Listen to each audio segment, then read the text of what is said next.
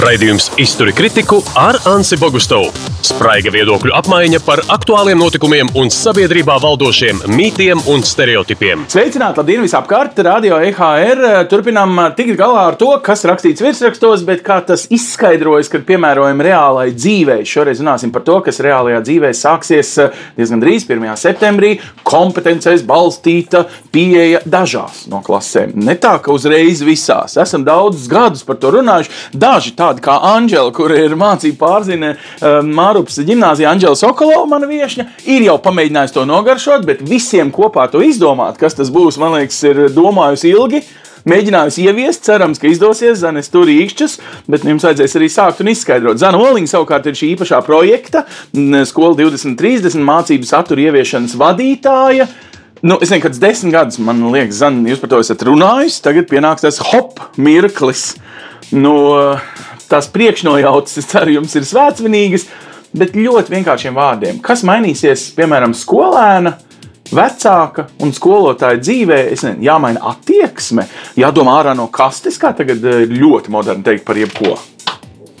Jā, nu mēs Latvijā, tāpat kā ļoti daudzas valsts, regulāri pārskatām, ko tad bērni mācās skolā. Un, un tas ir ļoti svarīgi, jo dzīve iet uz priekšu. Un to mēs arī šoreiz, tāpat kā valsts, esam izlēmuši, ka mums ir kaut kas jā, skolā jā, jāpamaina.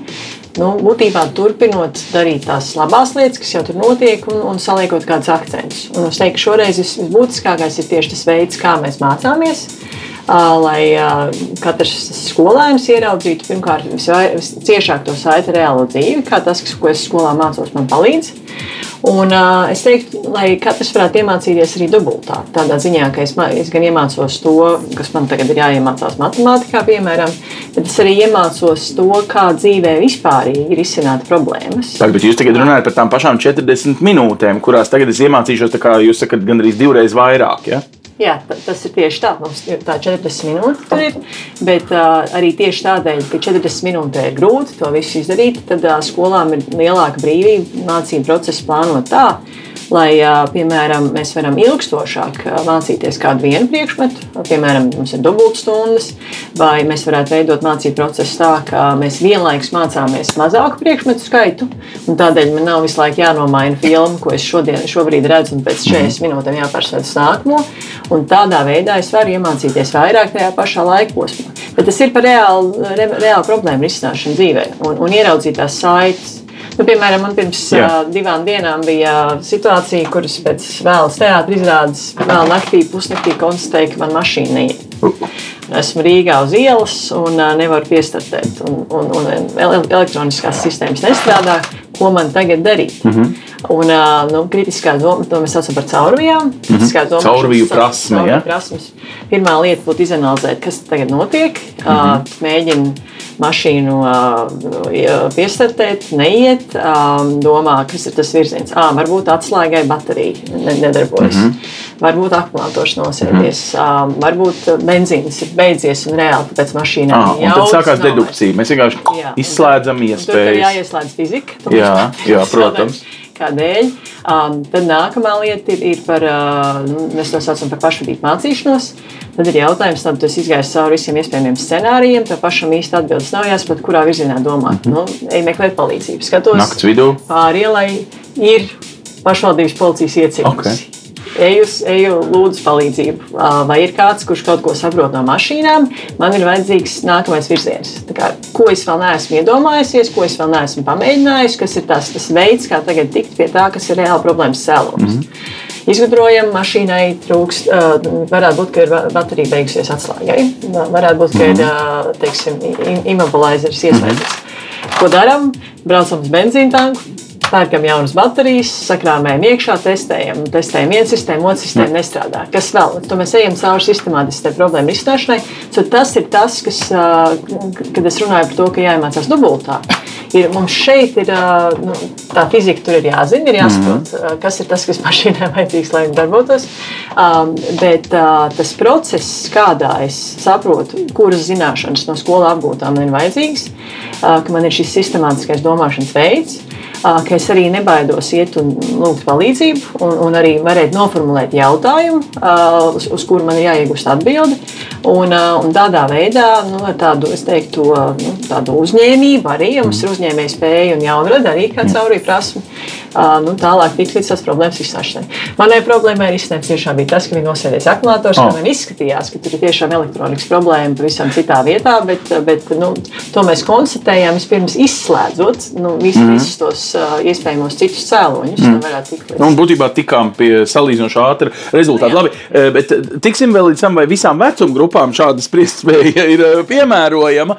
Anģela, jūs tātad vadat uh, skolas mācību procesu, kurai bija, ja tā var teikt, paveicies. Es domāju, tomēr šo pa jaunam modeli mēģināt paskatīties, kā viņš spēlējās ar jūsu kolēģiem, ar skolēniem un ar vecākiem. Nu, tad uh, visi vienlīdz uh, saprot, ka nu, mainīties ir teikt, ne tikai Rainis mums lika pirms simts gadiem, bet uh, mainīties nozīmē arī 21. gadsimtā vienkārši dzīvot normāli. Nu, es teiktu, ka lielākā daļa saprot. un lielākā daļa saprot. Ir tādi kolēģi, kuri varbūt līdz galam nesaprot, bet varbūt nevis nesaprot, ka vajag vai nevajag mainīties, bet līdz galam nesaprot, kā vajag mainīties. Mm -hmm. Ko tad vajag mainīt? Es strādāju ļoti labi, man viss sanāk, man bērni beidz skolu, nokārto eksāmenus, viss kas, ko no manis grib. Ja? Un tāpēc mēs ļoti daudz strādājam ar skolotājiem un arī Tad, kad mēs nācām uz projekta mācībām, tās pirmās reizes bija tādas, ka mēs ļoti mēģinājām iedziļināties un saprast, nu, kas tad ir tas atšķirīgais, ja, kas, ko mums būtu jāiedzīvina bez tā, kas mums jau ir.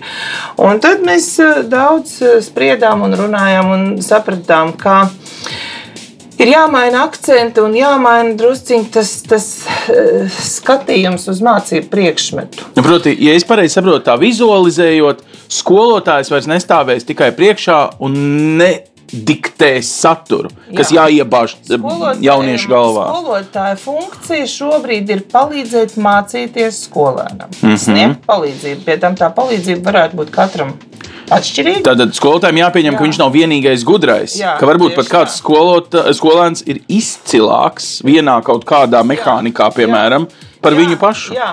Skolotājiem ir jāiemācās nebaidīties, kļūdīties. Skolotājiem ļoti dziļi sēž teicamnieka sindroms. jā.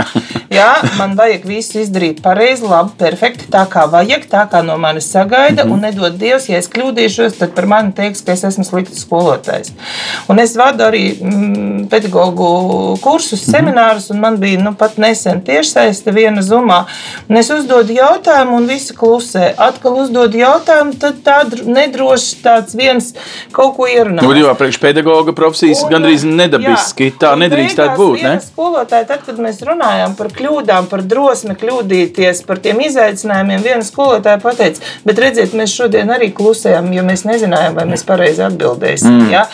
Un, Tātad mēs eh, mainām arī akcentu, ka nav tādas pareizās, nepareizās. Ir dziļāka, mazāk izprasta atbilde, ka mēs Jā. neliekam atzīmi tikai par zināšanu blāķi ja, skolēnam. Jā, mēs meklējam tās pareizās atbildes kopā. Pareizās atbildes daudzām lietām ir. Ja? Nu, ir, kur ir un nav pareizā atbilde, bet ir, kur ir pareizā atbilde. Bet nav teikts, ka visiem ir jāpiedzimst zinot pareizo atbildi. Tad ļaujam jaunietim līdzdarbojoties, izštukot pašam. Jā. Jā, iztukot, nonākt, kļūdīties, izdarīt secinājumu, kāpēc viņš ir kļūdījies, kas viņam būtu jāpamaina mm -hmm. savā darbībā, lai tas, tas rezultāts būtu veiksmīgāks. Un tad viņš nonāk pie tā. Labi, paliekam pie šī tā. Vienkārši viena izskaidrojuma. Um, Lūija 14. piedzima konkrētā datumā un savā arī konkrēta ziepes savā Francijā ko skolēni tur varētu izštukot. Marijai Antonētai galva no, nocirta tāpēc, ka, tur nav īsti interpretējama uh, lieta. Vēl jau vairāk, ja mēs nebijām klāt, varam tikai nu, postfaktum to nu, vēsturi paņemot. Tikai. Tad man liekas, ļoti daudziem cilvēkiem varētu būt grūti saprast, kur tas radošums un tā domāšana, nu, fakti ir fakti īsumā. Viņi ir vienkārši jāzina. Arī jums bija kaut kādi pamata elementi tajā fizikas piemērā, nu, kurus jūs vienkārši zinājāt. Tāpēc varējāt rīkoties tik loģiski. Jā, jā, tādēļ arī es runāju to, ka mēs runājam par mācīšanos dubultā. Mm -hmm. Tas nozīmē zināšanas un fakti, kur mums nepaliek. Okay. Mēs nevaram spriest vakumā par lietām, tas tam jābūt ir zināšanu bāzei. Bet es domāju, arī piemērā par Loju 14. Mariju Antonētu, tomēr tas nu, vēsture jau īstenībā ir ļoti interpretējama. Tas ir tieši tas, kas skolā ir jāiemācās, ka mēs nevaram, ka mums ir ļoti kritiski jāskatās uz to, kas ir interpretācijas avots. Protams, ka mēs neinterpretējam datumu. Jā. Datums ir datums, tas ir fakti jautājums. Taču ietekme, kāda šim notikumam bija uz, uz pasaules tālāko vēstures gaitu, ir kaut kas tāds, kurā ir uh, skolēniem jāierauga, ka var būt dažādas perspektīvas, kā uz to var paskatīties. Tāpat arī mēs zinām, ka nu, piemēram, dažādās valstīs tas veids, kā mēs vēsturē mācām, ka ir, ir, ir, ir, ir, ir vietas, kur tā tradīcija ir, ir daudz vairāk runāt par konkrētu personību nozīmi vēsturē. Mm -hmm. Un ka tieši personība ir tā, kas to ir. Un, un, ir, un ir tradīcijas, kurās mēs daudz vairāk runājam par to, ka īstenībā tie konkrētās situācijas apstākļi ir noteikuši tālāko vēstures gaitu. Daudz vairāk tas, nu, tas, tas, tas kopējais konteksts, kas veido lietas. Un, un teiksim, ja mēs, nu, arī, arī to ir svarīgi saprast. Sevišķi vidusskolā mums ir jāsaprot, kā zināšanas rodas. Ne tikai jāzina konkrētās zināšanas, un arī īpaši dabas zinātnēs, ka man varētu likties, ka fizikā tā, nu, būtībā tie atklājumi tik ļoti bieži un daudz nemainās, bet tomēr mainās. Līdz to mums arī dabas zinātnēs ir jāsaprot, kā, kā mēs esam tikuši pie tās izpratnes, kāda ir šobrīd neuztverot nu, katru nu, šī brīža zinātnisko atklājumu un skaidrojumu kā iespējamu galējo. Jo varbūt, rīt mēs zināsim vēl labāk, un tad būs cita perspektīva. Līdz to ir ļoti, ļoti svarīgi, ka skolēni arī, piemēram, dzird, kā zinātnieki strādā, mhm. kā mhm. veids pētījumus, kas ir pierādāms, kas nav pierādāms. Lai mēs nesāktu ticēt katrai viltus ziņai, katram ir sakstam, mm. ko mēs redzam, Līdz ar to ir, viņam, viņam būtībā es teiktu, ka ne tikai skolēnam ir jāiemācās, ka lācītim ir, mm. ir, ir teiksim, kažociņš un ausis un, un ķepiņas, bet kas lācītim ēdrā. Mm. Un, un tas ir līdz ar to ir, tas ir tas, ko nozīmē mācīties dubultā. Jo viņi ir nākošie, nu, zinā, nu, pirmkārt, šo zināšanu patērētāji, bet tālāk viņi ir jaunu zināšanu radītāji. Līdz to, ja mēs netiekam nu, līdz tādam līmenim skolā, tad, tad mums ļoti grūti būs nu, attīstīt sabiedrības priekšu. Nu, labi, man ir uzreiz viens tāds mirklis, Anģela, jūs mēģinājāt visdrīzāk skolā visus šos posmus, gan pirmo, gan tā atgādniet. Tātad pirmā sestā, ceturtā. Tā, ierakstām tātad šogad pirmās, ceturtās, septītās, desmitās klases skolniekiem viss būs pa jaunām. Jums tas jau bija pagājušajā mācību gadā. Nu, piem, salīdzinām arī pirmo. Otrajā, arī trešajā, à, jūs pat mēģinājāt visās vecuma grupās. Mēs mēģinājām visās vecuma grupās. Un te man ir tas jautājums. Pirmklasniekam man ir aizdoms, nebūs tik viegli realizēt to, ko Zana tikko aprakstīja. Desmitai klasē liekas, ok, jā, tur jau kaut kas ir nu, galvā. Tad, vai šis jaunais kompetencijas balstītais ir iespējams jaunietim, kurš principā vēl nemāca pat mācīties? Pirmajā klasē visi mācās mācīties. Es skolēju. Oh, jā, tā ir. Es atvainojos, es aizmirsu, jā, ļoti svarīgi. Bet es teiktu otrādi. Pirmklasnieks nāk uz skolu, eh, nu, tā, ar ļoti minimālu pieredzi mācīšanās šajā procesā. Un tāpēc ar viņu ir iespējams darīt visu, kas skolotājiem ienāks prātā. Bet desmitklasniekam ir deviņu gadu pieredze, kad viņš iespējams sēdēja klasē, skolotājs nāca un teica, atveram burtnīcu, mm. ierakstam datumu, pierakstam definīciju, šito iemācāmies, rīt es atprasīšu, ielikšu atzīmi. Iespējams, pat neradās izpratnē, radās tikai. Tāda ir pieredze strādāt, un tad desmitajā klasē viņš atnāk. Un skolotājs viņam kaut ko rāda, kaut ko stāsta, un, un skolnieks iebilst skolotājiem, bet mums jāpieraksta definīcija. Jā, kur ir definīcija skolotājai? Skolotājs saka, nu, ja tev vajag ņem un pieraksti, Jā. tad šim skolniekam rodas uh, priekšstats, ka skolotājs viņam neko nemāca. Un viņš nāk un sūdzās, nomainiet mums skolotāju. Šis skolotājs mums neko nemācīja. Viņš ne, neliek mums pierakstīt definīciju un nesaka, kad viņš viņu atprasīs. Un šis Bet, būs arī vecākiem jāpārvar. Tieši tā. Ka nebūs un, jā, pirmajā dienā, ko redzēt. Tā ir tā, ko Zana minēja, tā pašvadīta mācīšanās, kur tev pašam ir jāpieņem lēmums, vai tev tā definīcija ir vajadzīga pierakstos, vai tev pietiek viņu tikai dzirdēt, vai tu viņu jau zini vispār, un tev viņu nemaz nevajag ne pierakstīt, ne neko. Tas ir pats par sevi saprotams jau. Ja? Un tā ir tā bērna izvēle, ko viņš tajā mirklī no tā procesa paņems, ko viņš aiznesīs līdzi un kas viņam paliks tad, kad viņš skolu pabeigs. Ja? Bet tā tad es teikšu tā. Tad reāli paveicies. Ir šobrīd pirmās klases, un varbūt arī ceturtās klases skolēnam. Ja? Nu, jo viņš Jā. principā ir gatavs ielikt šajā Jā, jaunajā, jā, nezināmajā, jā. vieglāk. Jā. Tam desmitās klases eh, čalim, piemēram, Eh, faktiski kaut kas būs jāsalauž galvā Nāksies. tuvākajos gados. Jā, Ja? jā arī septītklasniekiem. Jā. Atkarībā no tā, kāda viņiem tā iepriekšējā pieredze, kādu mācību procesu viņi ir piedzīvojuši. Mm. Vai striktu tur disciplīnu, pilnīgi klusumu stundā, mm. kad drīkst runāt tikai tad, kad ļauj skolotājs, vai drīkst izteikties un pateikt savu viedokli, tad, kad tas ienāk prātā, protams, ievērot kaut kādas normas. Nu, protams. Jā, sabiedriskās. Eh, Bet tas ir, tas ir atkarīgs no tā, kāda viņam ir pieredze, cik viņam būs viegli uz šo jauno kaut kādu procesu pārkārtot. Labi, viens. būtībā es, es domāju, nu, arī nu, par to, kas mainīsies. Nu, ir, ir, ir tādas teiktu, divas lietas, kas ir redzamākas, un tad ir, mēs visvairāk esam runājuši tieši par to, kas ir stundā notiekoši, ko no ārpuses visgrūtāk pamanīt, sevišķi vecākam. Bet tās redzamās lietas, kas, ko mēs redzēsim, kas mainās, ja ir kādi jauni priekšmeti, kas nāk klāt, vai mainās priekšmetu nosaukums un tādēļ akcenti. Līdz to tās būtiskākās lietas uz 4. klases mēs sākam otro svešvalodu agrāk. Līdz šim mēs ar 6. klasi sākām mācīties otro svešvalodu, tagad ar 4. Tas ir ļoti svarīgi un tas būs tāds liels, liels, liels pārmaiņas. Sevišķi 7. klasē ir tādēļ, ka viņiem, ir, viņiem šī valoda uh, pakāpeniski būs ātrāk jāapgūst. Um, un uh, ir, ir kādi jauni priekšmeti, piemēram, teātris, uh, kas, kas būs uh, tad. Uh, Piemēram, līdzinājās mājaturības un uh, te, tehnoloģiju mācību priekšmets turpmāk sauksies dizains un tehnoloģijas, un arī mainīsies tas uh, satura akcents. Uz to mēs redzēsim tādas ārējas izmaiņas atsevišķos priekšmetos. Mums, piemēram, sporta vietā būs sports un veselība. Lai akcentētu arī saturiski, kas nozīmē nu, tieši to uzsvaru uz to, ka es veidoju veselīgu dzīvesveidu paradumus un teiksim, redzu, ka fiziskā aktivitāte ir tā mana lieta arī tālāk visu dzīvi. Uh, Tad uh, saturā mēs redzēsim izmaiņas. Nu, piemēram, geogrāfijā, ja mēs vairāk šobrīd uh, lielā daļā skolu, bet tas protams, atkarīgs no skolotāja, vairāk mācījāmies tiksim, par vienu kontinentu, pēc tam par nākamo. Tad šobrīd mēs mācīsimies drīzāk par to, kas ir kopīgs, kas ir noteicis, piemēram, dabas resursu klātesamību, kā tā ir noteikusi nu, tiksim, kaut kāda noteikta civilizācija attīstība un citādi. Skatoties uzreiz uz, uz, uz vairākiem piemēriem uh, visā pasaulē, uz to mainās kaut kāda priekšmeta struktūra. Tas ir tas, ko tā nu, uzskatām redzēs vecāki un skolēni. Un, un ļoti daudz uh, organizatoriski mainās tieši vidusskolā. Līdz to desmitās klases skolēns ir tas, kurš varēs turpmāk um, mācīties. Um, teiksim, tas kopējais mācību priekšmetu skaits, ko viņi vienlaikus mācās, būs mazāks, jo ir, ir, uh, ir vairāk uh, šī brīža priekšmeti, kas ir integrēti vienā kursā. Piemēram, atsevišķi nebūs politika, vēsture mm. un tam līdzīgi, bet būs viens kurs, kurā to mācās kopā. Um, un otra lieta ir tā, ka viņi uh, visvairāk tieši 12. klasē varēs izvēlēties, kurus priekšmetus, tātad mazāku skaitu mācīties padziļināti. Tad, sotam, desmitklasniekam.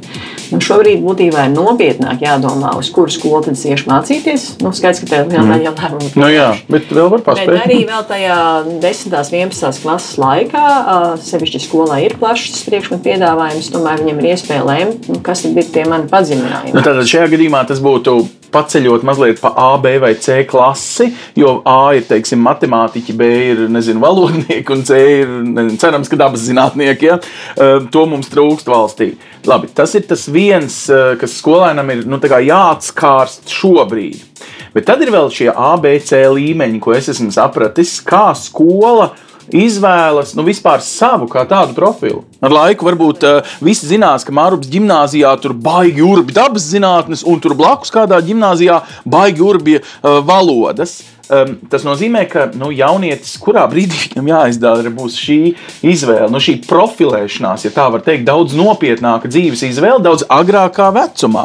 Kad mēs sakām, ka vecāks vēl nezina, ko ieteikt bērnam, kur nu vēl bērns pats, viņam ir 70 scenāriji. Jā, bet te ir ļoti svarīga arī tāda lieta kā karjeras izglītība, kura mums eh, šobrīd vairāk fokusējas uz to, ka mēs saprotam, paaicinām kādu ražotāju vai kādu uzņēmēju, viņš pastāsta kaut ko aizējam uz kaut kādu uzņēmumu. Pašu, paskatāmies, jā, un tādā veidā mēs veidojam izpratni par karjeru, par ko tu vari kļūt, jā, bet karjeras izglītībai arī, un tas arī jaunajā saturā ir rakstīts, jāienāk mācību stundā un saturā ar eh, nu, tādu akcentu, ka skolēns jau no sākuma mm -hmm. skolas, pamatskolā, viņš jau mēģina sevi izzināt kā personību, mm -hmm. savas stiprās puses, vājās puses, savas vajadzības, savas spējas, un uz kuru pusi tad viņš varētu virzīties. Cenāk, ja? ka karjeras konsultanti nākotnē būs nevis viens cilvēks skolā, bet faktiski visi, visi pedagogi. pedagogi. Karjeras konsultants ir tas, kurš dod to, to, to virzienu, ja? bet katrs pedagogs savā stundā strādā arī uz to, lai skolēns izprot savu vietu šajā jomā, šajā priekšmetā, un vai šī joma viņam ir saistoša vai nav saistoša. Jo, teiksim, mēs desmitajā klasē šogad savā skolā veidojām šos grozus, mums ir pieci grozi, mm. bet mēs veidojam viņus tā, ka desmitajā klasē faktiski visiem ir ļoti, ļoti līdzīgi priekšmeti. Mm. Un viņi nosacīti šobrīd ir sadalījušies pa groziem, bet desmitajā klasē viņi vēl var mācīties un domāt un spriest un izdarīt savu secinājumu, vai es 11. klasē eju to virzienu, kuru es izvēlējos, vai nu es tomēr kaut ko pamainu atkarībā no tā, uz kādu augstskolu es mērķēju. Ja? Ko es sevī ieraudzīju, varbūt 9. klasē man bija vienas domas, un 10. klasē tas domas pamainījās, tad atkarībā no tā iespējams vēl tos priekšmetus 11. un 12. klasē pamainīt un tos padziļinājumus paņemt varbūt citus, nevis tos, kurus 10. klasē bija iecerējuši. Nu, labi, tā, tā, tā atšķirības arī šobrīd jau ir nu, programma virziena. Bet tā atšķirība ir tā, ka turpmāk tā iespēja skolēnam sakomplektēt sev to unikālo, unikālo priekšmetu komplektu būs daudz lielāka.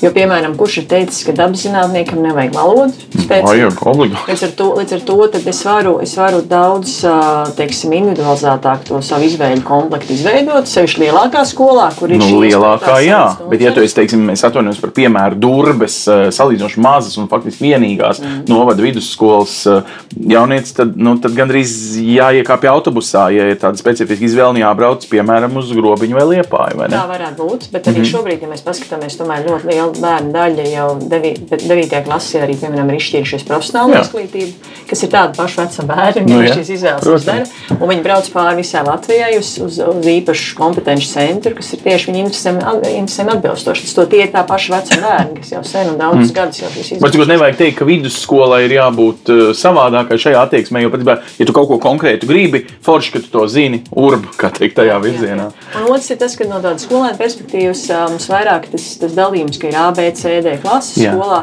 Jo visdrīzāk ar vien vairāk būs tā situācija, kur jā, man ir mani klases biedri, bet mēs ne visus priekšmetus mācāmies mm -hmm. kopā, kā tas ir šobrīd. Līdz to tā skolas darba organizācija vidusskolā ir, ir līdzīga, kā mēs varbūt tie, kas ir pamācījušies varbūt semestri vai gadu kaut kur ārvalstīs, varam redzēt, ka vidusskola ir tā, kurā ir tie, tie personalizētie ceļi, kā es eju cauri skolai, ir, ir varbūt atšķirīgi. Man joprojām ir mani klases biedri, kuriem mēs tiekamies klases audzinātājiem, ir sava kopiena. Bet mēs, piemēram, valodas ejam mācīties uz, uz, uz, uz, uz citām stundām, mēs ejam dabaszinātnes citur, un tad mēs kaut kad satiekamies kopā līdz to tā skola. Un sevišķi sportā tas ir ļoti svarīgi. Mēs Jā. sportā esam izveidojuši gan standartu, gan programmu, ka 11. un 12. klasē skolēniem ir iespēja nu, būtībā izvēlēties cik daudz, kāda veida fiziskās aktivitātes viņi, Viņš pats viņi, izdara. viņi veiks. Kā, kādos, varētu teikt, moduļos viņi skolā iesaistās. Un, un to, tas ir arī uh, radīts ar mērķi, lai skolēni atrastu to savu fizisko aktivitāti, par ko viņiem rodas prieks. Jā, ja patīk slēpošana vai vingrošana, tad ej attiecīgi uz to pusi. Bet tagad tā, Zane, man viss ļoti patīk līdz brīdim, kamēr mēs runājam ar inteliģentu jau nu, sevi kaut kur atraduši cilvēku. Mm. Bet skolas laikā jūs jau, Anģela, minējāt, cik ļoti mainās jauniešu galvā, par ko es gribu kļūt, kas ir svarīgs. Vecuma posms ir ar visu kaut ko, ar psiholoģiju un ar medicīnu saistīti. Ir kaut kādas nezinu, hormonu vētras uznāk. Šeit izklausās, ka viss ir lieliski piemērots cilvēkam, kas zina, ko viņš grib, kas māca mācīties, kuram ir pašmotivācija. Un mēs zinām, ka tādi nav visi skolā vai šis modelis spēs pacelt arī, nosauksim viņus par vājākiem ķēdes posmiem organismā, jo organisms būs tik stiprs, cik stiprs būs vājākais jā, posms. Un, jā, bet te ir naivi cerēt uz to, ka tagad ar 1. septembri viss pārmainīsies. Mm, nē, jā. Nē, jā. Un arī pēc gada, un arī pēc diviem. Uh, vienmēr būs kādi, kuri būs tās ķēdes vājākais mm. posms, un tur ir dažādi apstākļi. Jā. Tur ir apstākļi, kas ir atkarīgi no skolas, un ir apstākļi, kuri nav atkarīgi no skolas, ja? un, un, un, un kur skola nevar ietekmēt, un tas ir fakts. Ja? Bet uh, to, to domāšanu un to apziņu vajag mainīt no, no mhm. paša sākuma, un tā, tai paudzei ir jānomainās tomēr, lai mēs nonāktu līdz tādam ideālam, ko Zana stāsta. Ja? Un, ja mēs skatāmies saturā, Mēs tur redzam akadēmisko saturu, mēs tur redzam caurvīs, mēs tur redzam vērtības, likumus un tā tālāk. Un te mums viens ir nu, piemērs, kur mēs arī ar skolotājiem runājam. Mēs visi mācījāmies latviešu valodu skolā, visi. Un mācāmies vēl joprojām. Bet kāpēc mēs to latviešu valodu mācāmies? Nu, à, tā tieši atbildēt, uh, ne visi zinās. Jā, priekš jā, kam man jāzina nāves ēnā, Rudolfs Blaumans, viņi taču tur noslīka. Vispār jebkura valoda. Ja? Nu, ne jau tāpēc, lai pēc tam es staigātu visu visu mūžu un stāstītu, kā vajag locīt darbības vārdus. Ja? Jo tas, tas mums obligāti jāiemācās. Jā. To skolotājs atprasa, tur, kā uh, tas viss tur no. notiek. Ja? Bet būtībā valodu mēs mācāmies, lai varētu komunicēt, lai varētu rakstiski, mm -hmm. mutiski izteikties par kaut kādām tēmām. Un tās tēmas ir fizikas tēmas, mm. vēstures tēmas, matemātiskās tēmas, nezinu, filozofija vai vēl kaut kas. Un te ir svarīgi parādīt, ka tā valoda ir instruments. Un tālāk ir nākamais solis. Mēs visi ļoti labi protam valodu gramatiski pareizi, jā, bet mēs rakstam arī izziņas. Oi, telefonā. Es arī rakstu trakot. Es pat diktēju, un, es nelieku komatus. Lūk, es esmu vispār kašmars, ja izlasu manas tekstus. Satura nākamais, jā tā, tie tikumi un vērtības un attieksmes. Vai mēs to izziņu rakstam, ievērojot visus valodas likumus? Nu, kāda tā mūsu attieksme ir pret valodu? Kāda mums attieksme ir pret to cilvēku, kurš lasīs? Skolotājs tā tad tik un tā paliks bišķiņ piedodiet, bet moralizētājs jauniešu acīs. E, nu, nē, viņš, viņam viņš... vienkārši ir jāparāda, ka tas, nu jāizstāsta, kas ir labi, kas ir slikti, vai no skolēniem pašiem ir jānonāk pie tā, ko nozīmē nu, godīgums, ko Jā. nozīmē atbildība. Ja? Un to atbildību teiksim, mēs varam veidot arī grupu darbā. Un kur, kur ir robeža kolektīvai atbildībai? Ja?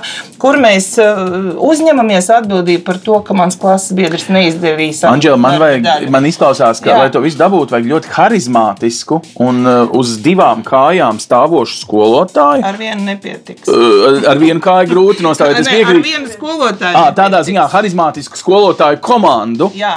Uh, lūk, šī harizma, vai nu, pasakiet vēl kādām īpašībām, vai, vai kas tagad skolotājiem, kas grib strādāt skolā, sevi ir jātīsta tāds, lai viņš varētu šim jaunajam nu, nesajūt prātā, nesajusties, ka, ka viņam ir jāizdara viss, un vienlaikus nu, atbildība ir tik liela, varētu būt arī tāds nu, baisais psiholoģiskais spiediens. Es, es, es domāju, ka mums ļoti svarīgi arī kā sabiedrībai ļaut skolotājiem nokāpt no piedestāla. Okay. Tas, ko arī Anģela sākumā teica, ka ja skolotājs šobrīd baidās kļūdīties. Yeah. Viņš baidās kļūdīties nevis tāpēc, ka viņš pats ir iedomājies, ka tas ir slikti, bet tāpēc, ka mēs sagaidām, ka skolotājs nekad nekļūdīsies. Mēs tā esam, tad, kad mums vēl bija vien, viens klases skoliņa kalna galā, mums bija skolotājs, yeah. kurš zināja visu, un uz to mums tā, tās gaidas, ka skolotājs ir tas, kuram ir visas atbildes. Tas spiediens ir milzīgs skolotāji. Es, es nelietotu vārdu harizmu kā centrālu lietu, lai aprakstītu skolotāju mūsdienās. Kādu? Jo skolotājs būtībā ir mācīšanās arhitekts. Viņš ir iespēja radītājs. Līdzīgi kā tad, kad mēs būvējam māju, mums ir svarīgi, lai tā būtu gan estētiski iekārtot, gan arī funkcionāli. Skolotājiem būtībā ir, ir, ir jā, jāsabūvē apstākļi, kurā bērni mācās. Un īstenībā, ja jūs iet tādā klasē, kurā skolotājs šādi strādā, nereti ir jautājums, kur te vispār ir skolotājs. Jo tas, kas viņam ir jādomā, viņam ir jādomā pirmkārt nevis par to, ko es darīšu šodien klasē, par ko es nākšu pastāstīt, bet skol, kas skolēnam ir jādara, lai viņš šo varētu iemācīties. Līdz ar to tas ir par ļoti rūpīgu, nu, par skaidrību, kas mums ir jāiemācās, tas ir par uzdevumu atlasi, tas ir par, ir par to, nu, teiksim, ar kādiem resursiem man šodien skolēni strādās. Un tad es esmu tur skolēniem pieejams un ļoti rūpīgi sekoju līdzi, kā kuram iet, un katru var atbalstīt. Tā ir pavisam citādā klases, un īstenībā tas skolotāji galds ir ne, vairs ne klases mm. priekšā, bet viņš varbūt ir aizmugurē vai sānos. Tam nav vairs nekādas nozīmes, kur tas galds tagad stāv. Bet to, tas prasa nežēlīgu sagatavošanos, un arī tas prasa ļoti, ļoti svarīgu šo skolotāju sadarbību savstarpēji, lai, lai skolotāji ir saskaņojuši, ka šajā brīdī mēs par šīm lietām runāsim, un tāpēc bērns var iemācīties labāk. Nu, bet, piemēram, jūs tagad paņēmāt to geogrāfijas piemēru. Nu, te geogrāfijas skolotājam runājot par, es nezinu, oglēm, kā pieejamiem resursiem dažādos kontinentos, attiecīgajos platumgrādos, teorētiski tad būtu jāsaprot, es nezinu, ar vēstures skolotāju jāparunā par Eiropas Savienību, jo tālūk kādreiz bija ogļu un tērauda savienība, un tikpat labi par eh, Britu industrializāciju, kas uz oglēm vien turējās. Bet tajā brīdī mēs it kā nu, no vecā modeļa domājot, mēs jaucamies pa gadsimtiem, pa kontinentiem, bet cikot, Kurš nodrošinās to, kā mēs agrāk gājām cauri? Sākām ar seno Eģipti, tad bijām Romas impērijā, un tad kaut kad nākamajās klasēs mēs vispār tikām līdz viduslaikiem. Mēs it kā šos kā, nogriežņus un dažādu nu, līdzinējo, es nesaku, ka viņa labākā pieeja, attaisnojām ar tādu ka būvējam klucīti virs klucīša, klucīti virs klucīša. Un jā, tos klucīšus piedāvāja tikai un vienīgi skolotājs. Tagad sanāk, ka skolēnam jāizdara izvēle par lietu, kur es nemaz vēl nezinu, kas tur ir apakšā. Nē, es vienkārši esmu dzirdējis virsrakstu. Nē, satura struktūra skolā nenosaka. Nē, to ceļu būvē skolotāji. Okay. Un tādēļ ļoti svarīgi, viņi savstarpēji plānojot to gadu, izglītības posmu, mm -hmm. ka to viņi uzliek. Satura struktūras, tas vadītājs, virzītājs. Tāpēc es runāju par arhitektu. Arhitekts mm -hmm. jau arī nesaka nu, tagad ir kur jums ķieģelīši, sakrāmējiet savu māju, un kā nu jums sanāks tā dzīvosiet. Es domāju, mēs visi esam pieredzējuši arī birojā, piemēram, ja mēs piemēram, katram cilvēkam ļaut izvēlēties. Rekur, jums ir atvērtais birojs, tagad Jā. katrs nolieciet galdu, kur jūs gribētu vislabāk sēdēt. Visi nu, sēdēs pie loga. Sanāk, ja? Vai arī kāds vienkārši pagriezīs muguru pret pārējiem, nereģinot to, kā pārējie jūtās mm. tajā kontekstā. Līdz to skolotājs noteikti tas saturs. Bet, lai mēs varētu, mēs, teiksim, tad, kad mēs mežā apmaldāmies, mums ir vajadzīgas dažādas zīmes zīmes, kas mums palīdz tikt ārā. Un, jo daudzveidīgāks ir tas zīmju komplekts, jo visdrīzāk mēs no tā meža ārā tiksim. Līdz ar to uh, ir sava vieta tai kronoloģiskajai pieejai, sava, bet, bet tā vien ir par maz. Nu, piemēram, vēsture 7. un 9. klasē. Nu, pamatā mācību saturs ir veidots kronoloģiski. Jā, ļoti cauri visai. Nu, taču vidusskolā Mēs tagad nākam atpakaļ vairāk no šo te, nu, teiktu, sabiedrības nu, tādu atziņu parādību perspektīvas. Un tur mēs to visu jaucam kopā. Tāpēc, ka tad, kad es esmu tajā mežā, man vajag gan saprast, kurā virzienā iet, gan arī iespējams lasīt kādas zīmes, piemēram, no, no, no teiksim, skatīties uz sauli mm. un, un uz nezinu, sunām, uz kokiem mm -hmm. un tā līdzīgi. Jā, jā. Līdz ar to ir ļoti svarīgi, ka mēs nu, no šīm dažādām perspektīvām krustu šķēršus Un tad tā skolēna tā taka, lai viņš var atrast tās zināšanas nākamreiz, kad viņam vajag, ir tāda plata iecirsts lielceļš, un viņam ir daudz takas, no kurām viņš, viņš var nonākt pie tām zināšanām, viņa paņemt. Labi, es tagad nu, paskatīju, salieku rokas, es tagad tēloju veco skolotāju, un es tagad saku, Anģela. Jūs man pasakiet, lūdzu, kā lai es, nu, vienalga, ķīmijas skolotājs, garantēju, ka manējie eksāmenu izturēs. Jo ar šo nu, visu skaisto mums it kā pazūd tāda konkrētība. Eksāmenā prasīs, ko? To, to, to, to, un tad to, to, to, to arī iemācāmies. Nu, tā bija tā līdz šim attieksme. Kā lai es pēc tam vecākiem acīs skatos, ja gadās, ka viņi ir superkompetenti, izcili cilvēki, domāt spējīgi un tādi, bet viņu eksāmena rezultāti nu, varēja būt labāki beigās. E, redziet, tas skolotāja profesionālitāte ir un skolotāja prasme saskatīt tās svarīgākās lietas, bez kurām nu, nevar iztikt. Ja? Mēs, Zana, jau arī minēja, mēs nevaram atteikties vispār no zināšanām, neko nemācīties un tikai spriest, filozofēt, kā tad nu, tur varētu mm. būt, ja būtu šādi. Ja es būtu kants, tad vai, vai es darītu tā. Tādi, jā, jā, ir lietas, kuras ir jāzina, bet um, atkal, ja mēs skatāmies no psiholoģijas viedokļa un no didaktikas viedokļa un no pedagoģijas viedokļa, jā, eh, tā motivācija, ko mēs bērnam uh, liekam priekšā, vai mēs tam bērnam sakam, ka tev ir jāmācās, jo šito tev atprasīs eksāmenā, mm -hmm. vai nu mēs šim mācību priekšmetam veidojam konceptu un parādam, ka šīs lietas tev noderēs tur un tur, un tāpēc tev šīs lietas ir jāiemācās. Faktiski sanāk arī lielāka motivācija kaut ko uzzināt un pat sanāk paturēt galvā. Jā, jo kur mēs dzīvē redzam pliku matemātiku? Nekur. Nu, tikai varbūt pie kases, bet tādā pirmās bet tā, klases līmenī, vai ne? Ekonomika drusciņā. Oh, jā, taisnība, taisnība. Jā. jā, plika matemātika, nu mēs tā nekur neejam un, un nesakam, es protu uzzīmēt koordinātu plakni, atlikt punktu, un es tagad te katru trešo dienu to daru. Ja? Mm. Bet mums vajag mācīt nolasīt grafiku, un tie grafiki varētu būt gan mums piesūta tur nama pārvalde Jā. par siltināšanu, mājas siltināšanu, parāda, cik tur mēs ietaupīsim, mm. cik mēs tur zaudēsim un kā tur tie kredīti tiks ņemti dzēst un tā tālāk. Vai kaut kādi vēl citi, tur valdība izdomā kaut ko un pēkšņi ziņās parādās grafiks, kā mums tur labklājība pieaugs vai samazināsies. Mm. Un tur ir tā lieta, tāpēc man tā koordināta plakne ir vajadzīga, lai es varētu ar dzīvi saistītās lietās nolasīt no grafika kaut kādus datus. Un te rodas tā motivācija drusciņ cita, un te galvenais skolotājiem tas izaicinājums. Ja? Šobrīd katram skolotājam savā priekšmetā atrast to konceptu un parādīt bērnam, kāpēc mēs vispār šo ķīmiju mācāmies. Vai mēs varam bez viņas iztikt, vai nevaram? Kāpēc mēs mācāmies svešu valodu, kāpēc mēs mācāmies fiziku un kur mēs to varam pielietot? Un te tas ir, ko Zana teica, te viens skolotājs nav karotājs. Te vajag komandu, te vajag grupu, un tālākais izaicinājums ir skolas vadībai, administrācija, kā atrast laiku, lai skolotāji varētu sadarboties, sarunāties savā starpā par savu priekšmetu, par savu saturu, par savu plānu, kurš kurā brīdī sāks mācīt kaut ko un kurš pēc tam izmantos to, ko matemātikas vektors ir iemācījis teorijā, un fiziķis tepat uzreiz vektorus ņem un pielieto praksē un parāda, kāpēc tās bultiņas ir vajadzīgas, mm -hmm. ja? Mhm. kāpēc mēs vispār par viņām runājam.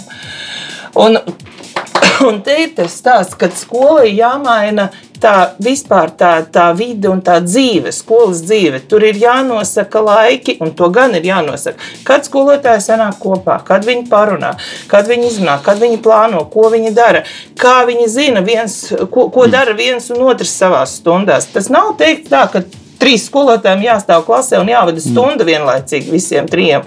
Ja?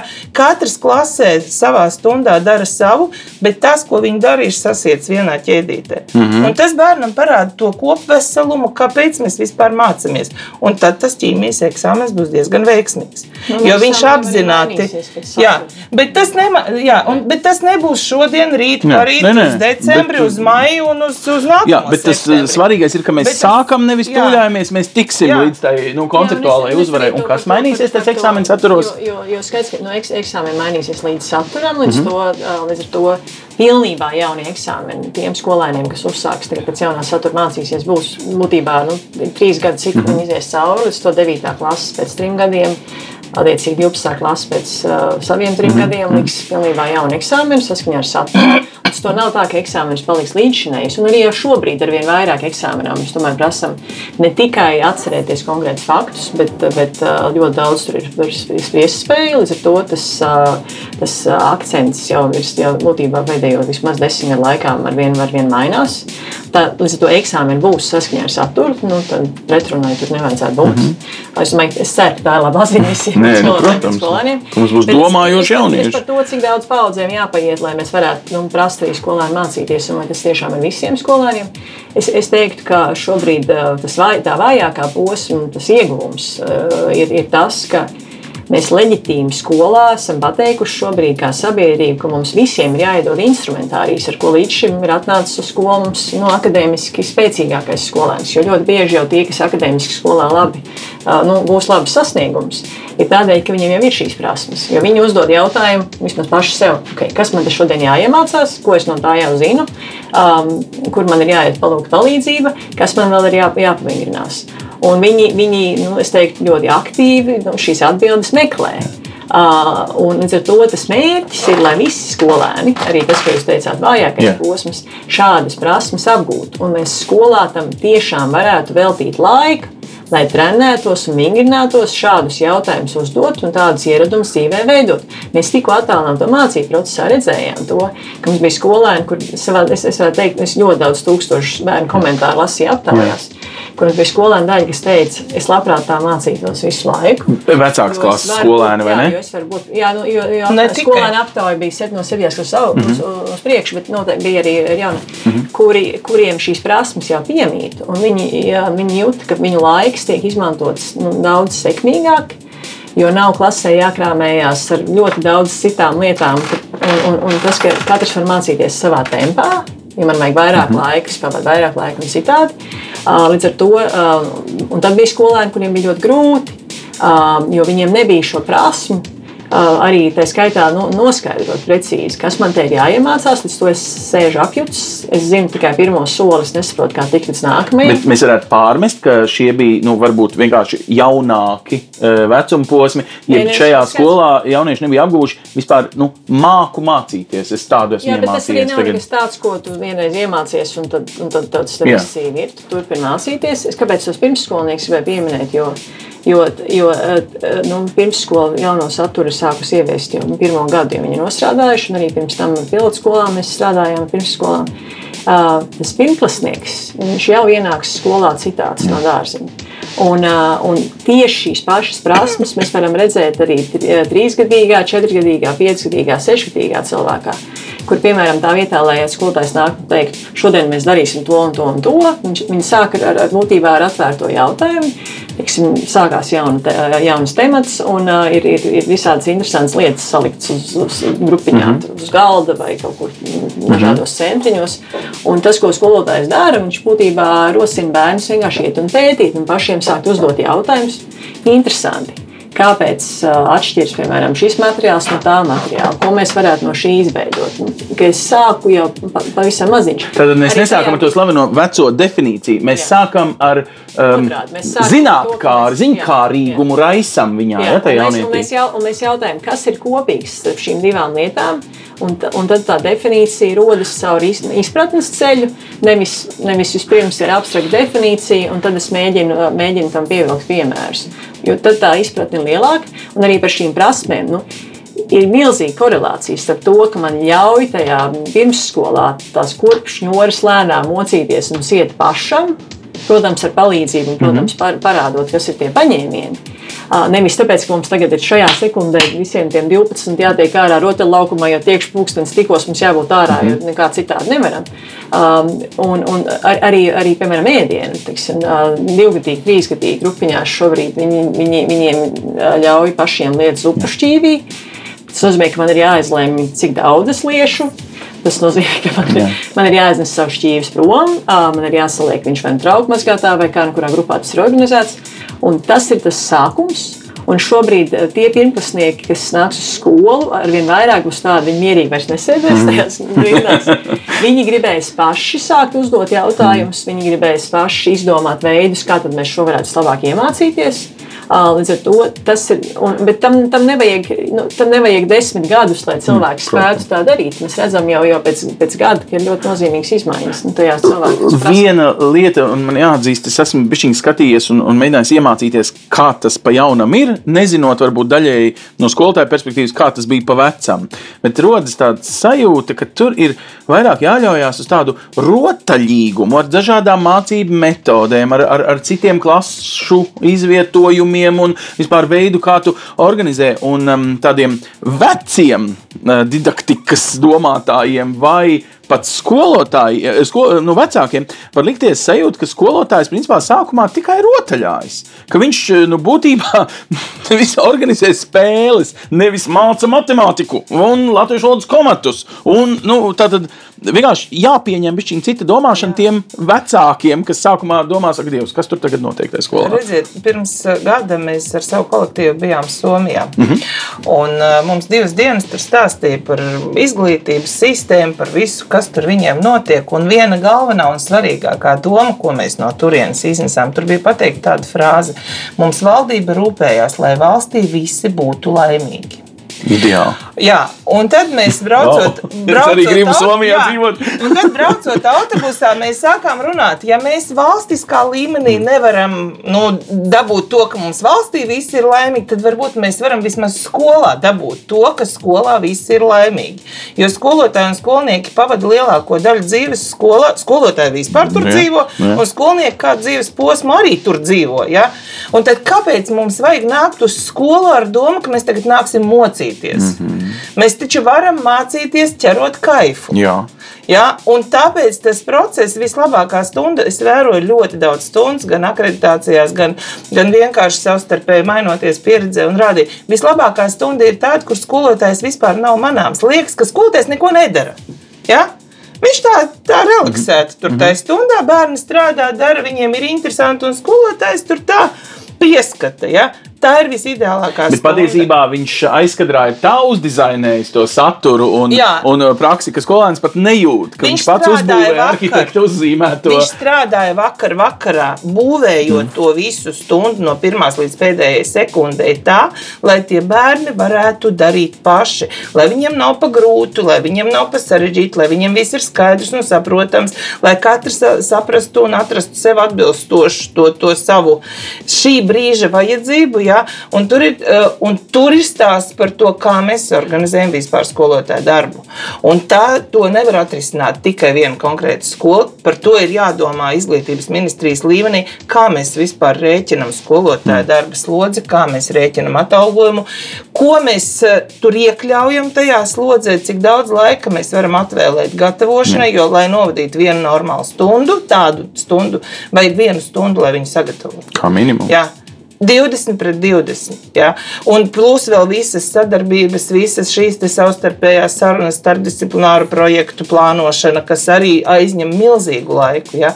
Un, eh, ja skolai izdodas šobrīd ar šī brīža līdzekļiem to izdarīt, tad tas ir ideāli. Ja, ja šobrīd tas nav, tad nu, jāiet un skaļi jārunā. Ja nemainīsies nekas šajā jomā, nu, tad pēc kāda laika mums skola 20, 30 veiksmīgi izgāzīsies. Mm. Es gribu Nē, es nedomāju, ka jūs to redzēsiet. Es domāju, ka Jā. mēs sasniegsim to 20, 30 Jā. kā forša nācija, kuru nevis mēs pie somiem, bet somi pie mums brauks. Jā, Sarunāts. Bet es vienu lietu gribu saprast, tagad, mm, pirms es aizbraucu uz Somiju, arī izbaudīt šo sajūtu, ko Anģela apraksta. Lūdzu, pasakiet man, kas man jādara, ja es esmu vecāks. Jūs neticēsiet, bet man 1, 4, 7 un 10 ies visi četri bērni. Es vienkārši. Man tagad jānošaujās, vai jābūt laimīgam. Var zināt, kā vecākam. Man jānomaina bišķiņa attieksme, ja kaut kāds uh, prasību līmenis jāsamazina, vai jāpiemēro cits mēri instruments savai mīļajai skolotājai, kura tagad dara kaut ko savādāk. Man tā kā jānomierinās, viņa zina, ko viņa dara. Ja? Viņa ir nu, lasījusi šo uh, nu, metodiski sapratusi, vai viņa arī vēl taustās. Kā man viņu atbalstīt? Kā man nebūt kretīnam vecāku sapulcē oktobrī, kas teiks, jums vispār nekas nenotiek. Mans bērns vispār nu, jūtas apmulsis, viss ir savādāk. Es domāju, ka ļoti svarīgi vecākam šobrīd ir saprast, ka arī skolotāji mācīsies un, un mācīsies gan vēl kādu laiku, gan arī turpinās. Līdz to nu, ir ļoti svarīgi, ka vecāki ir atbalstoši arī skolotāju eksperimentiem, dažādiem pozitīvā nozīmē. Un, un pamanot katru pozitīvo lietu, kur nu bērns priecīgs atnāk mājās, vai viņš ir kaut ko jaunu iemācījies un radis jau interesi, ka vecāki par to skolotājiem arī pasaka. Jo bieži mēs ejam uz skolu, tad, kad mums kaut kas nepatīk, tas ir nenormāli svarīgi šajā brīdī. Ā, Tad tā ir pirmā lieta, ko vecākiem vajadzētu darīt. Otra lieta, es domāju, ka ir ļoti, ļoti svarīgi vecākiem saprast, ka viņi nevar mācīties bērnu vietā. Jā. Un, uh, to mēs redzējām arī attālinātā mācību laikā, ka bija tāda, zinām, bija tāda milzīga, nu, ne visur, protams, bet vērojama konkurence vecāku starpā par to, kurš vecāks izpildīs bērnu vietā labāk, vai tie pārbaudas darbai projekti vai kas. Līdz ar to arvien vairāk bērniem būs uzdevumi, kuri nav izpildāmi uzreiz, kā vienas dienas mājas darbs. Un vecākiem varētu likties, ka ārprāts, ārprāts mans bērns to, to šajā brīdī neprot. Man tas ir jāizdara viņa vietā. Uh, un tas tā lielākajā daļā gadījumu nav. Visdrīzāk nu, ir tā, ka skolotājs ir teicis, šis ir tas, uh, ko tu pratīsi noslēgumā, temata noslēgumā, semestra noslēgumā. Un mēs strādāsim tagad visu to nākošo periodu, lai tu to prastu un varētu. Un tad vecākam nevajadzētu uztvert, piemēram, kādu projektu prasības vai citādi, ka tagad man ir tas jāizdara, jo es zinu, ka nu, mans bērns šo nevar paveikt. Un, un tad ir ļoti svarīgi vecāku loma ir būvēt šos patstāvīgā darba ieradumus. Un, un, un nevis sēdēt blakus, un kur ir tā gurtnīca, un tagad pildīsim kopā uzdevumu. Bet drīzāk ar bērnu sarunāties par to, kas būs tas dienas laiks, kad, kad ja tev ir kādi mājas darbi, kad tu tos izpildīsi katru reizi, ka tev ir vieta, kur to darīt. Ka mēs jautājam bērnam, vai viņš zina, kas viņam ir jāpaveic, ka mēs palīdzam viņam ieviest vienalga, kas tas būtu. Vai tā ir elektroniskā dienas grāmata, kā mēs e-klases lietojam, vai, vai, vai cits raksta kaut ko vēl papildus uz papīra, palīdzēt saplānot veidu, kā viņš to darbu paveiks, un to atbalstīt procesā, bet nedarīt bērnu vietā. Un uh, nedomāt par to, ka uz skolu bērnam jāaiziet gatavam, bet bērns iet uz skolu mācīties. Un, nu, un es, es, tāds ekstrēmākais piemērs ir, ka mēs ņemam privātas stundas, lai bērni būtu sekmīgi skolā. Oh, tipiski, tipiski Rīgas centra to pašu skolās. Mēs darām, darām arī uh, mūzikas skolās, mākslas skolās. Un mēs šādā veidā būvējam ļoti kroplu modeli bērnam. Jo tādēļ, ka tas, kas notiek, viņš arī viņš tādēļ baidās vispār mēģināt. Baidās arī atzīties skolotājiem, ko viņš vēl nesaprot. Un to skolotājs iegūst ļoti greizi priekšstatu par to. Ja māma izpild bērnu tā mājas darbu, tas nozīmē, ka tas bērns rezultātā nesaņem to atbalstu no skolotāja, kas viņam būtu vajadzīgs. Jo skolotājs domā, ka viņš zina. Un to mēs sūtām pilnīgi greizi priekšstatu uz skolu ā, par bērnu vajadzībām. būtībā pārmaksājam arī, jo mēs Un it mēs kā maksājam nodokļus skolotāju algas, un plus vēl piefinansējam privātas skolas. Un, un tas, ir, un tas, ir, tas ir par to, ka mums visiem gribās būt tiem, nu, tiem ideālajiem, kuri atnāk To, un tas to bērns mums baidās jau pirmajā klasē. Ka es nebūšu gatavs skolai. Nu, ko nozīmē? Nu, es jau eju uz skolu mācīties. Un, un, un šādu nu, to, to. Un tas nu, arī tas jautājums par vērtēšanu. Nu, tas Jā, jautājums nav kāda atzīme tu saņēmi, bet ko tu šodien iemācījies. Aha. Tāda saruna ir daudz grū- sarežģītāka. Viņa prasa vairāk laika nekā kādu atzīmi tu šodien. Mēs tam citu, man liekas, to bišķiņu jau nojautām tajā Covid laikā, kad uh, ministra teica, nevērtējiet ar atzīmi, vērtējiet pēc būtības. Ja? Viņi teica šo nevis nominālo, bet uh, katru ar otru vērtējumu.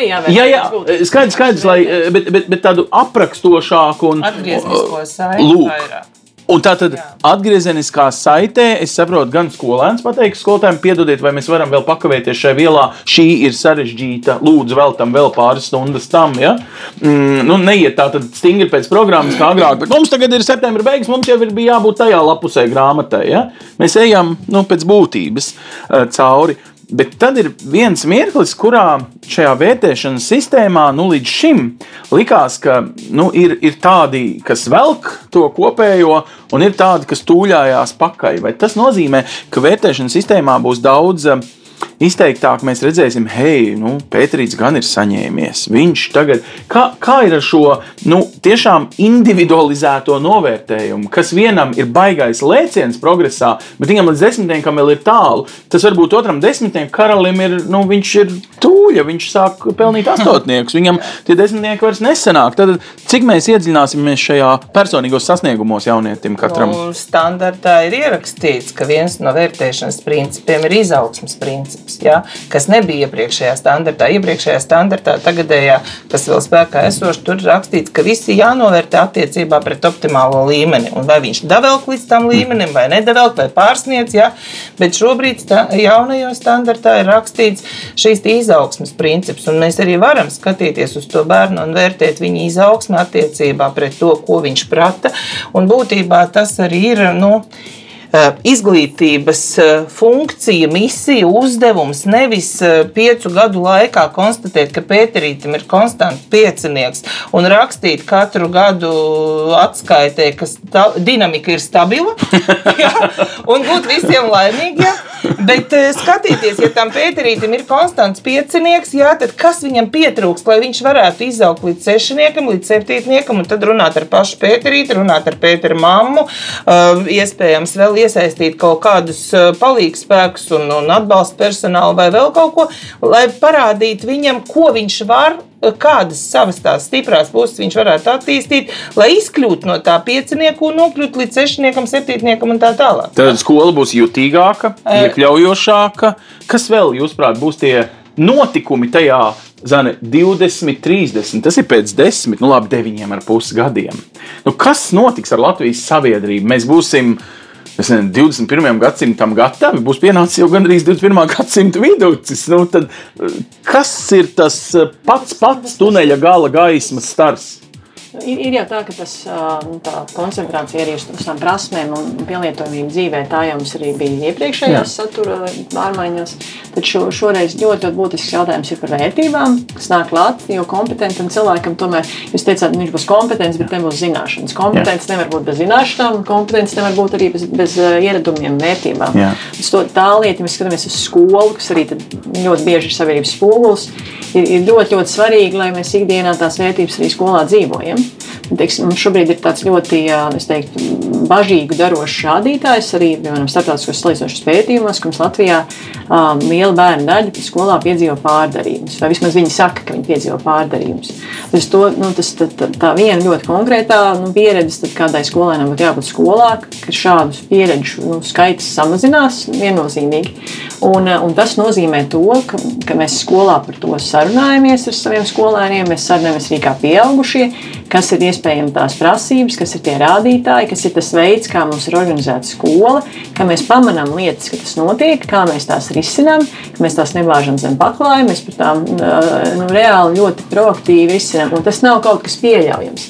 Piemēram, es, es atstāstīšu ļoti senu atgadījumu. Es mm -hmm. nekādā veidā negribu vispārināt uz to visām Latvijas skolām. Jā. Es arī ar iespējamās misijas skolotājiem daudz esam strādājuši ilgi. Kur es atceros, bija jauns skolotājs, kurš skolā gaitenī no rīta atnākot uz skolu, ierauga, ka ārā pagalmā ir rakstīts, ka Pēters ir resns mm -hmm. lieliem burtiem. Un viņš ir ļoti satraucies, atnākot no rīta uz skolu, ka tāds uzraksts tur ir. Bērni nāk uz skolu, un stundas notiek, un, un viņš meklē izmisīgi kolēģis gaitenīgi. Nu, ko mēs ar šo darīsim tagad? Uh, un tā atbilde, ko no vairākiem viņš saņem, nu, un visi taču to zina. Un, uh, es to negribu nekādā veidā mm. pateikt, ka visās skolās ir šāda attieksme. Mm. Bet ir, ir, tas ir pieaugušo jautājums. Mm. Cik mums skolā ir svarīgi, kā mēs šeit jūtamies. Un to var katrs skolas, nu, tas, jo tas tā ir kopiena. Ja. Vai mēs pieļaujam, vai mēs pieļaujam. Un, un tad ir jautājums, kā mēs to risinām. Vai tas ir nu, vairāk par to, ka vienkārši skolotāji nobrikelē, un tas ir skolotāja vezums, ko viņš nes. Atkal tu skrien tagad. Ja. Ja? Vai tas tomēr ir nu, kopīgs atbildības jautājums. Un, un īstenībā nu, tā ir tās sociālās zinības. Tas, ka tu tagad skrieni, tā iespējamība, ka tu kādam var uzskriet virsū, kādu Jā. mazo sabradot, vēl kaut kas, tas ir par to, kā tie pārējie jūtās tādēļ nedroši, ka tu vienkārši drāzies uz ēdamu zāli, jo tu gribi pirmais tikt pie savu mm. šķīvi.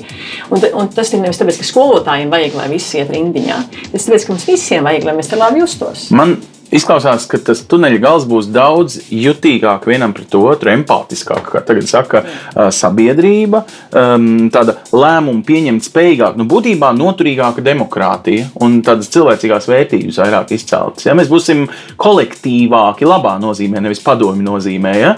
um, kā sabiedrība. Jums, Anģela, kādreiz, kad ir pilnvērnes nakts un nenāk miegs, ienāk prātā, Nu, jūs tagad desmit gadus šitā strādāsiet jaunajā modelī. Kas būs tas, uh, kad jūs, tā teikt, piedodiet, pavadīs varbūt pensijā kādu brīdi, un jūs teiksiet, yes, man izdevās, mans darba mūžs bija, nu, tā kā tāpēc es Jā, esmu es, kaut ko izdarījusi. Mēs ar šito sākām jau piec, pirms pieciem gadiem. Pirms pieciem gadiem mēs sanācām kopā visi skolotāji un uzzīmējām sev bildi, kādu mēs gribam savas skolas skolā. Iekšā skolā, ja? Iekšā skolā. Mm -hmm tad tā ar to ir par maz, jo mēs te gribam, vai viņi grib tādi kļūt. Ja?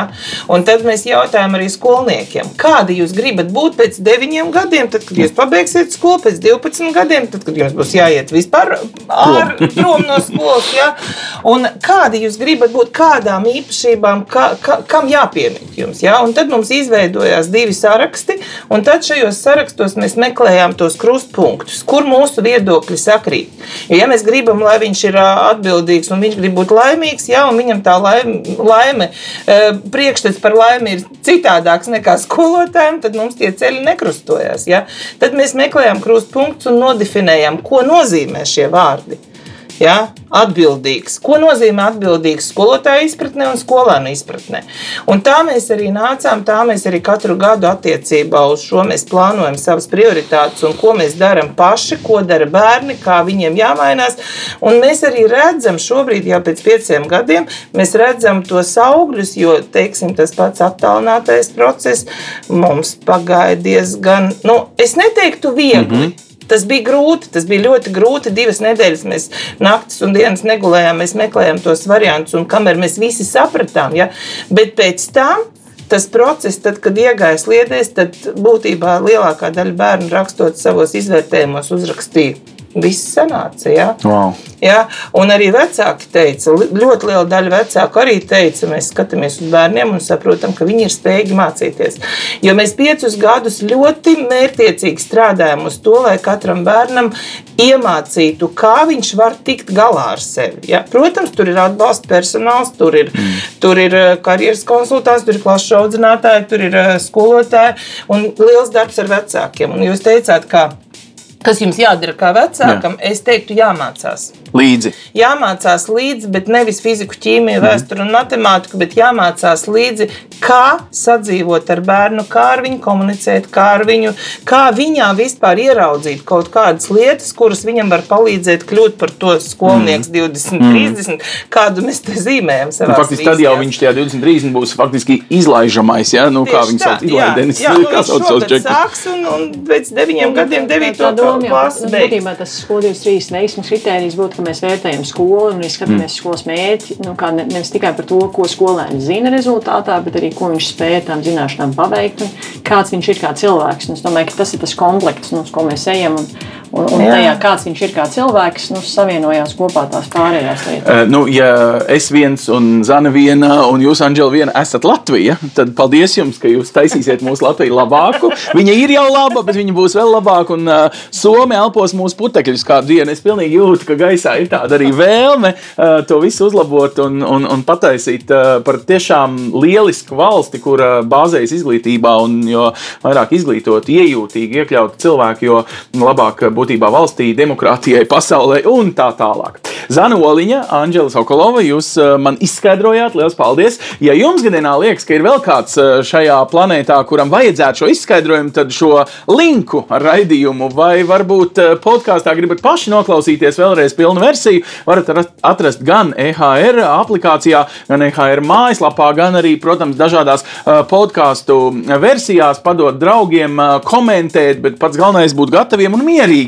Viss ir saplānots, tagad atliek tikai ieviest un ieviest visiem kopā, gan skolēniem, gan skolotājiem, gan arī vecākiem šo mm, jauno pieeju uh, mācībās. Uh, Lielas paldies! Uh, Tiekamies atkal ar citām tēmām kārtējā raidījumā Izturi kritiku.